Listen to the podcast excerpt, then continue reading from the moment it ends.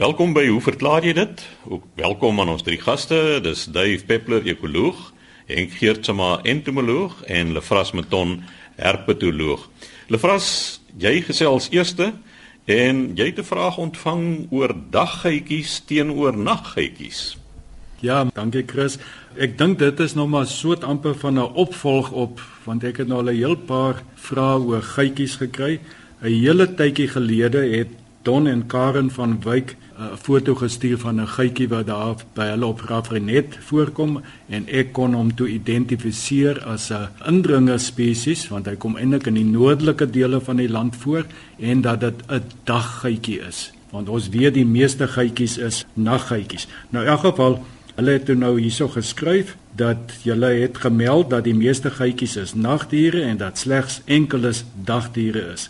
In 'n daaropvolgende program het julle oor die spleetpupille van geitjies gepraat as 'n aanpassing tot naglewe. Nou Henk en Dave, ek was toe nou nie saam met julle op die paneel nie, maar ons weet in die algemeen dat die vertikale spleetpupille kry ons by baie van die nagdiere, onder andere die huiskatte wys dit ook mooi. En hulle sê hulle het nou intussen die geitjie wat daar by hulle voorkom wat nou 'n daggeitjie is van naderby bestudeer en toe gesien dat hy ronde pupille het wat mens sou verwag van 'n nagdier. Maar hulle vraag is nou, het hierdie spesies uit 'n naggeitjie ontwikkel wat dan nou hierdie vertikale spleetpupille gehad het of is dit nou nog 'n oorspronklike voorvaarlike toestand. Met ander woorde is hierdie daggeitjie nou 'n primitiewe spesies of het hy uit 'n nagdiertjie ontstaan. Dit is nou vir my eintlik 'n baie interessante ding. Ek het toe dadelik na die Akadus boeke gaan kyk om te kyk is hulle waarneming korrek. Henk, ek wys hierso vir jou 'n prentjie. Dit is Graham Alexander en Johan Maree se boek met pragtige fotos. Hierso is nou die daggeitjie en jy kan sien hy het baie mooi ronde pupil toe ek gaan kyk na die Namakwa daggeitjie hierso teen Weskus op en hy het ook ronde people en toe weet ek in Namibië daar in die woestyn is daar ook 'n hele klomp daggeitjies die genus Rhoptropus. Henk hierso is een van hulle. Hmm. baie duidelik dat hy die vertikale spleetpupil so in hierdie geval sou mens dis kon sê hierdie namib daggeitjies hulle het 'n nag voorvader gehad 'n nagaktiewe voorvader. En dat hierdie vertikale pupille is dis nou nog oorblyfsels daarvan.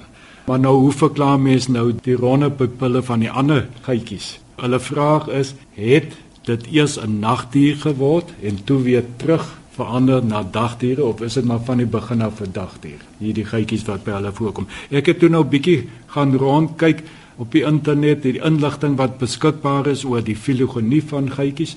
Nou geitjies is 'n baie groot groep. Daar's iets so sewe families en baie baie genera.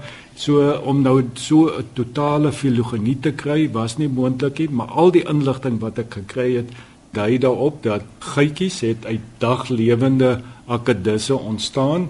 Hulle het naglewend geword en toe op verskeie geleenthede oor miljoene jare het van hulle dan nou weer daglewend geword. Nou daar's baie interessante studies oor die oë van geitjies gedoen. Hulle het uitgevind dat kyk meeste diere het mos nou maar die fotoreseptore in die retina. Jy kry die keeltjies en die stafies. Die keeltjies het doen, doen met kleurvisie, so jy veral by die daglewende diere is dit 'n belangrike komponent.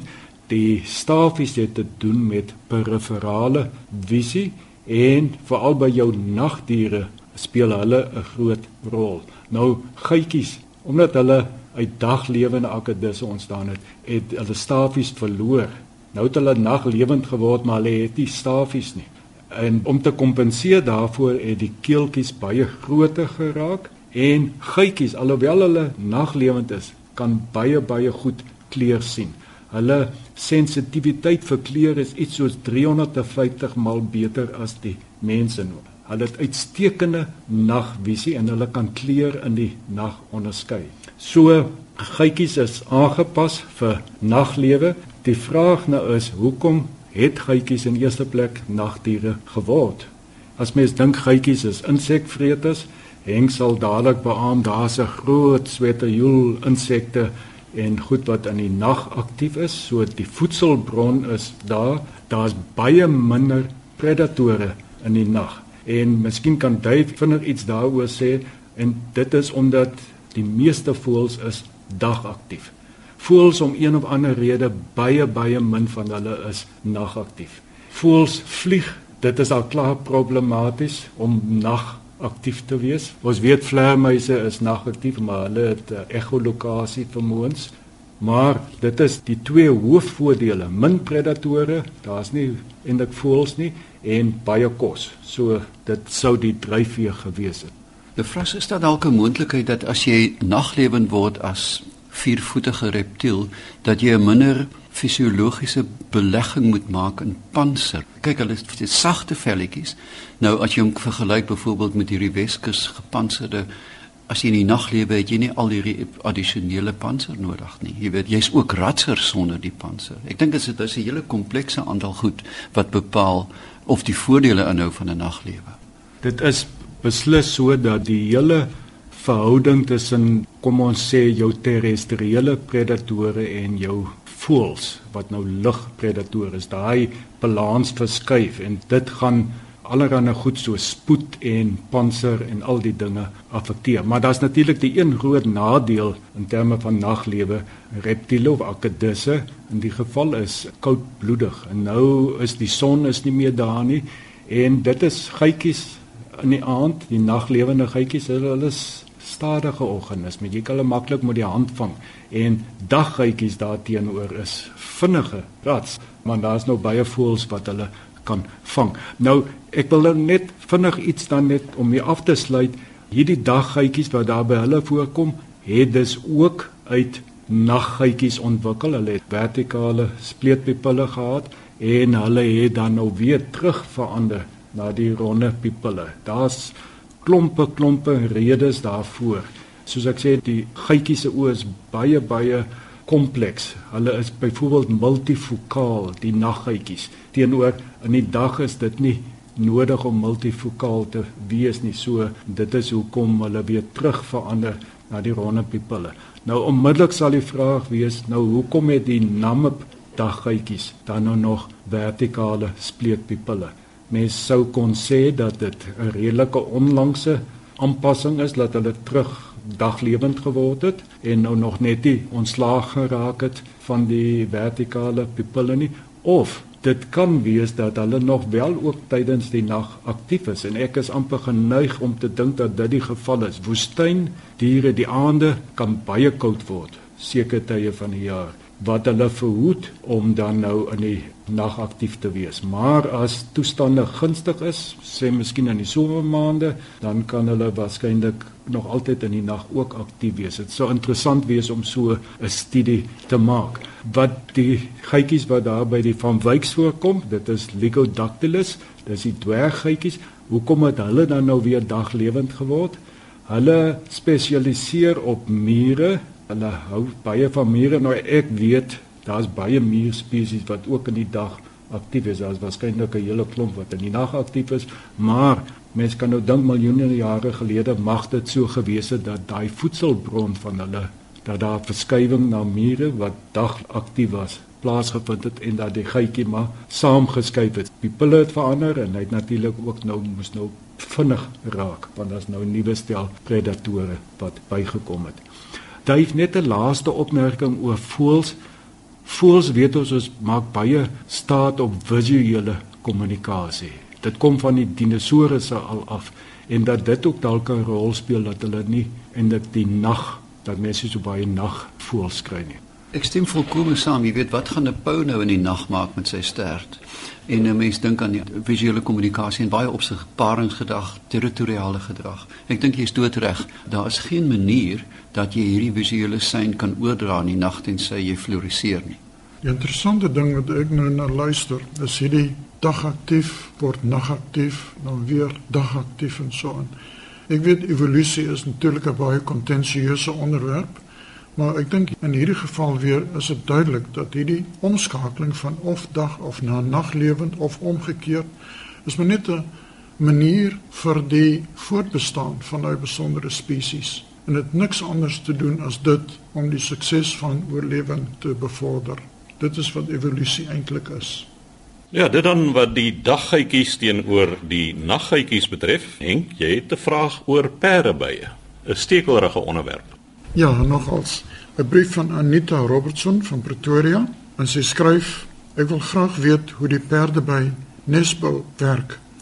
Ons het groot op ons stoep waar hulle besig is om nes te bou.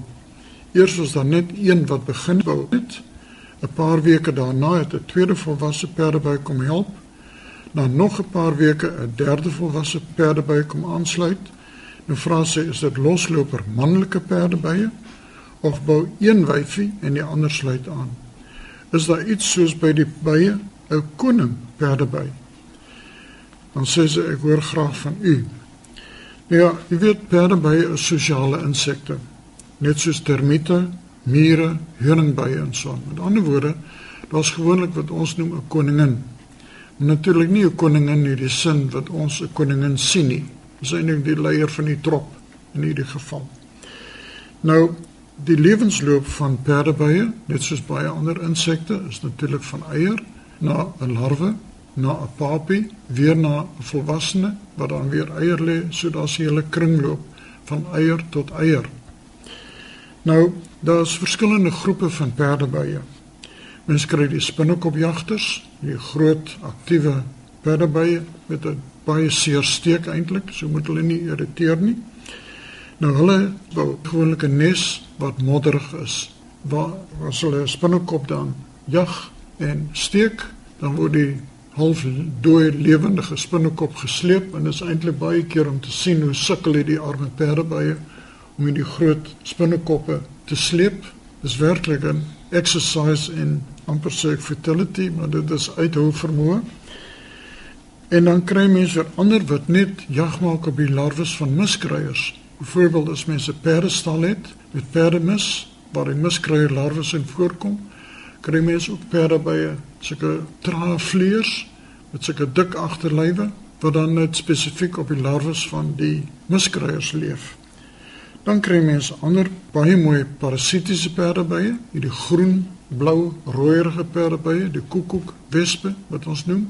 Die latynse naam is Chrysididae, natuurlik Grieks afgelei van chrysos wat goud beteken, die kleur daarvan. Maar Anita se perdebye is die wat gewoonlik op ruspers teer en die ruspers versamel en na die papierneste toe sleep. Nou die perdebye hierso is besig om 'n nes te bou en ons praat van die papierwespe. Met ander woorde, die regte perdebye. Dun perdeby lyfie, die ander het gewoonlik 'n dikkerige agterlyf, maar hierdie het 'n baie mooi steeltjie op die agterlyf. Henk, hoe kom word dit Afrikaans perdeby genoem? Dit Ek dink ek het nou net verwys na perdebye wat op perde mis na larwe soek. Dis die enigste wat ek eintlik kan dink. En natuurlik in die volksnaam, hierdie meisie het 'n perdeby lyfie. Nou weet nie waar haar angel is nie.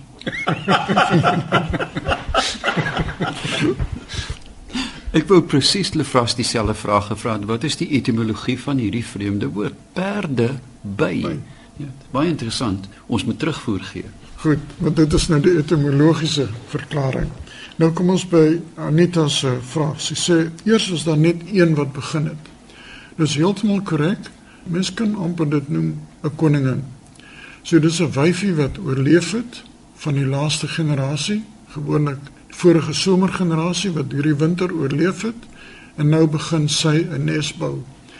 Nou die nes, 'n sogenaamde papiernes, word gemaak van houtvesel wat dan afgekrap word as dit ware met die kake en dan word dit gemeng met speeksel en op dié manier kry mense die pragtige perdeby nesstrukture wat so teen die plafon en so afhang.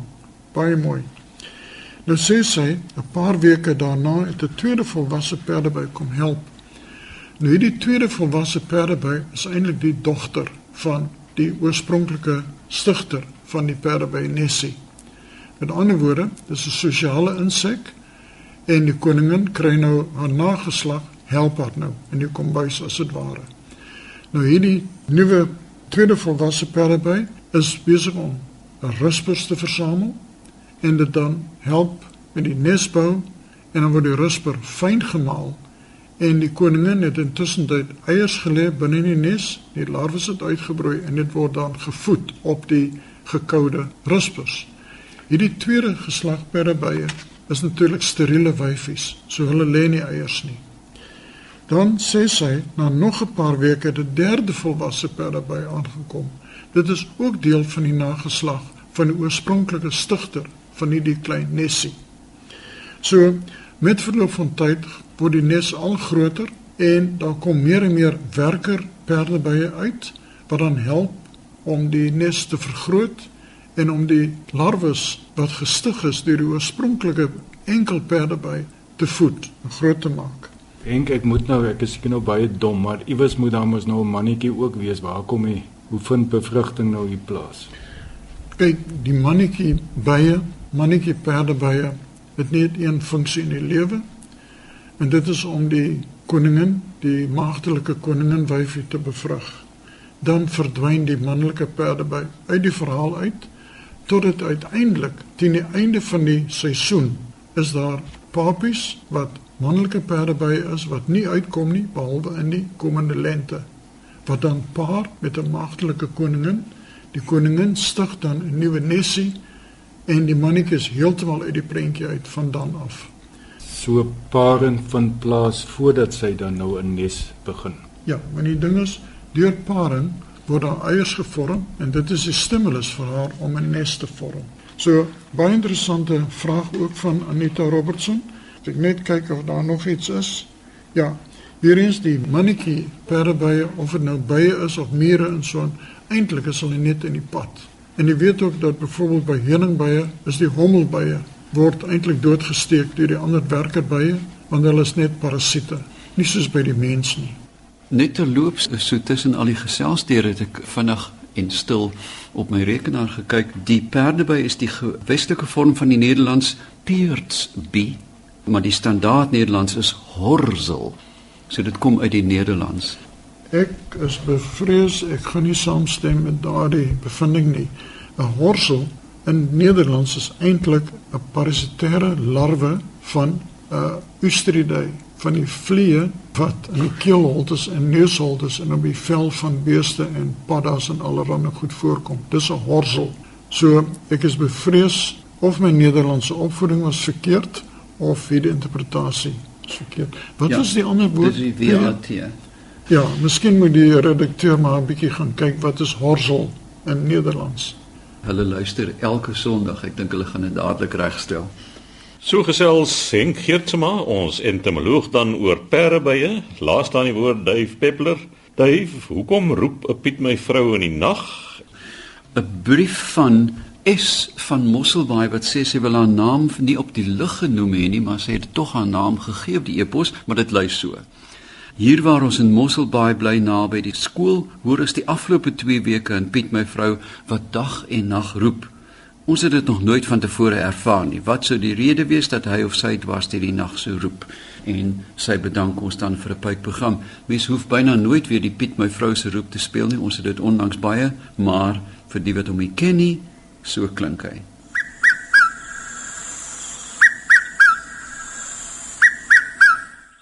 Piet my vrou, die Engelse red-chested cuckoo, is 'n intra-Afrikaanse migrant wat so ver noord as die suide van Sudan voorkom, Nigerië, en dan in die noordelike winter aftrek na die suidelike derde van Afrika om hier te kom parasiteer en moeilikheid maak. Hulle hou van digte boskasies. Mens sien hulle byna nooit nie. Hulle is baie kriptiese voëls wat doodstil sit en dan soos baie voëls die kop draai terwyl hulle roep. So jy kan hulle nie maklik plaas nie.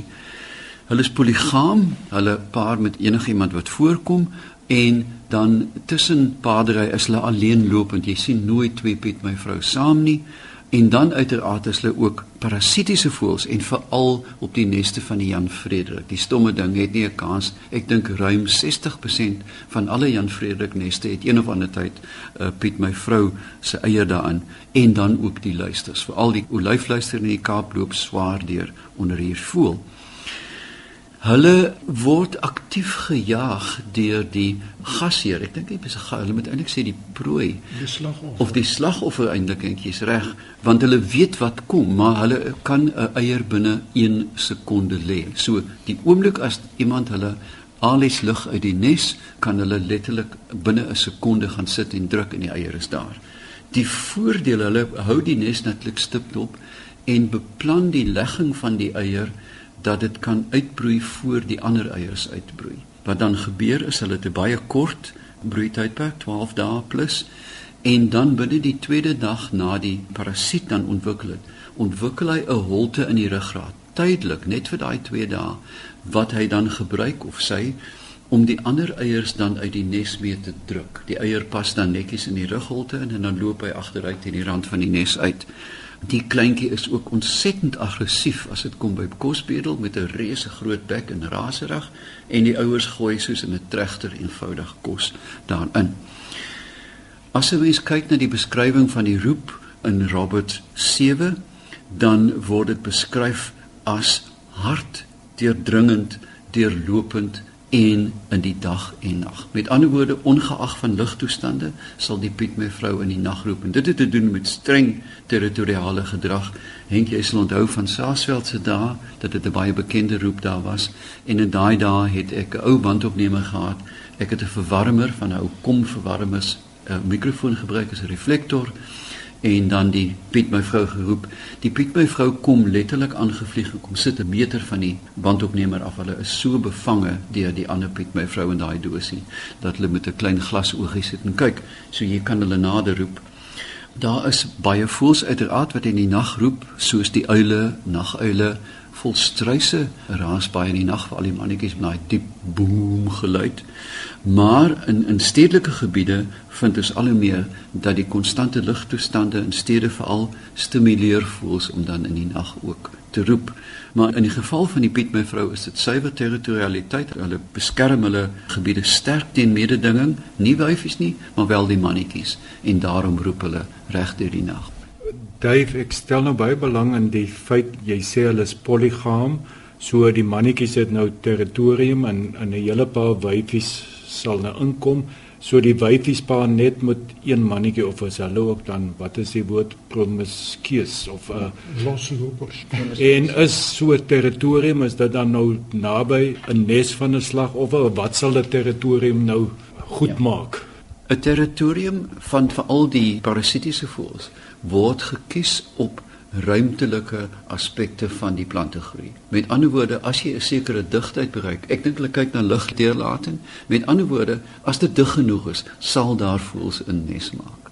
En dan patrolleer hulle dit en omdat meeste van die parasitiese voëls 'n breë prooibasis het, hoef hulle nie op een staat te maak nie. Met ander woorde, hy kan lewerik, Jan Frederik kan hy op daai oomblik gebruik. Wat die interessante vraag is, hoe hou die wyfie die eier vas vir so lank en hoe kan die wyfie dan op so kort kennisgewing binne 1 sekonde die eier lê? Want mens weet voels as hulle moet lê, moet hulle lê en jy sien baie keer kolgaans op 'n tak sit en 'n eier laat val uit die boom uit. So, 'n baie interessante vraag. En baie dankie. Aanvaar net eenvoudig soos die tarantaal wat op 'n Sondagmiddag by jou kamervenster roep dat die Piet my vrou deur die nag gaan roep. So sê Dave Peppler, ons ekoloog. Die tyd het ons weer ingehaal. U kan gerus skryf aan hoe verklaar jy dit? Posbus 2551 Kaapstad 8000 of stuur 'n e-pos aan chris@rsg.co.za.